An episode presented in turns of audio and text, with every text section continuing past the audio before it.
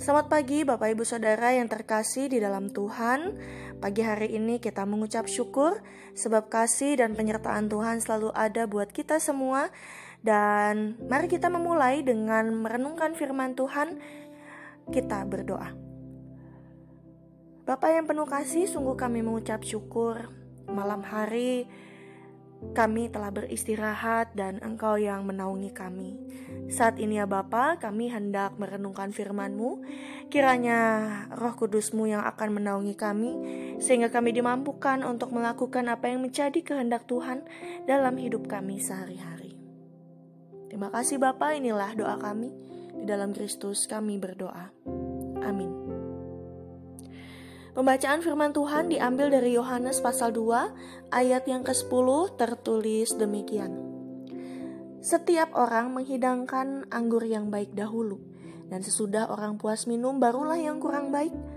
Akan tetapi engkau menyimpan anggur yang baik sampai sekarang.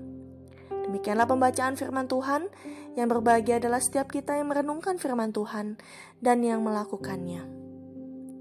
Bapak Ibu Saudara, Ayat ini berbicara tentang hidangan anggur yang baik dahulu, lalu kemudian setelah anggur yang paling baik itu selesai diberikan kepada para tamu undangan, maka barulah yang anggur kurang baik yang dihidangkan.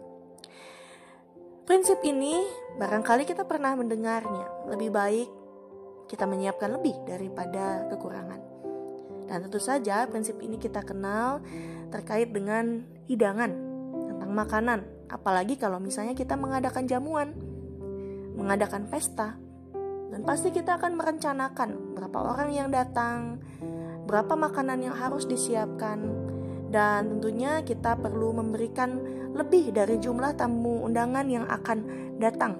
Misalnya, kita mengundang 50 orang, maka paling tidak makanan yang dipersiapkan sekitar 75 atau 80 porsi.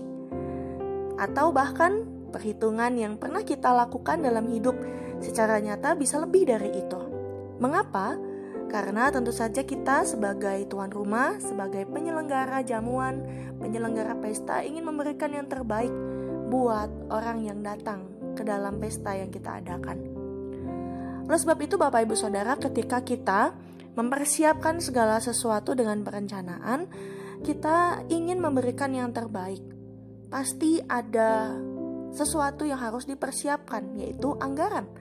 Anggaran yang juga tentunya harus diperhitungkan. Jangan sampai perhitungan kita meleset. Karena kalau misalnya sampai perhitungan kita meleset, barangkali kita bisa merasa malu. Malu karena tidak mampu memberikan pelayanan yang terbaik. Namun Bapak Ibu Saudara dalam perenungan firman Tuhan pada saat ini kita mau diajak untuk belajar memperhitungkan segala sesuatu. Yohanes pasal 2 ayat yang ke-10 yang tadi sudah kita dengarkan bersama mau mengingatkan bahwa orang yang biasanya memperhitungkan sesuatu pun bisa terjadi perhitungan yang meleset.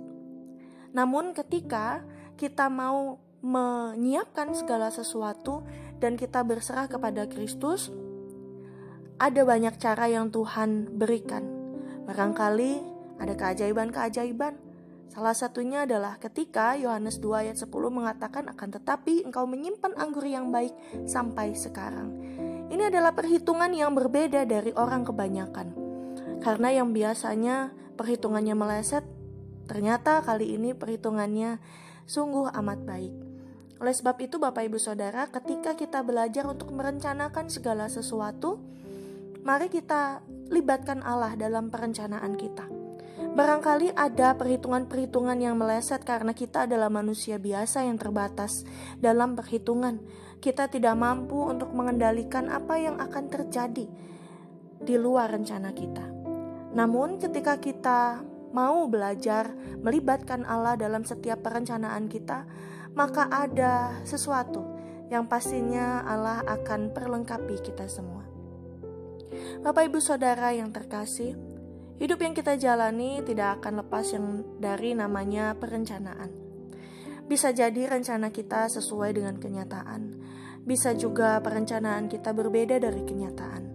Namun, janganlah membuat kita merencanakan segala sesuatu, kemudian kita hanya mengandalkan pemikiran kita, melainkan mari kita lakukan segala perencanaan kita yang mendatangkan sukacita, karena kita tidak boleh larut dalam kekecewaan.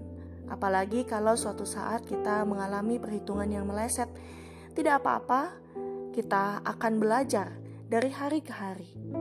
Oleh sebab itu, Bapak Ibu Saudara, tetaplah semangat, tetaplah bersyukur dalam menghadapi kehidupan kita, sekalipun ada perencanaan yang tidak sesuai dengan harapan kita. Percayalah bahwa rencana Tuhan adalah yang terbaik. Tuhan Allah akan memberikan segala sesuatu yang tepat, yang terbaik, dan semuanya adalah untuk diri kita menjadi orang yang berbahagia. Mari Bapak Ibu Saudara kita berdoa. Sungguh ya Bapa, kami hanya bisa mengandalkan kekuatan dari Allah. Kami merencanakan segala sesuatu, namun sering kali perencanaan kami tidak sesuai dengan apa yang kami harapkan. Namun biarlah kami belajar dari kekecewaan, kami belajar bahwa segala sesuatu yang Tuhan sediakan buat kami adalah yang terbaik, dan ajar kami Tuhan untuk dapat merelakan dan hari ini, ketika kami belajar untuk merencanakan segala sesuatu, biarlah kami melibatkan Allah dalam setiap rencana kami. Terima kasih Bapa, biarlah hari ini kami berserah penuh hanya ke dalam tangan Tuhan. Di dalam Kristus kami berdoa. Amin.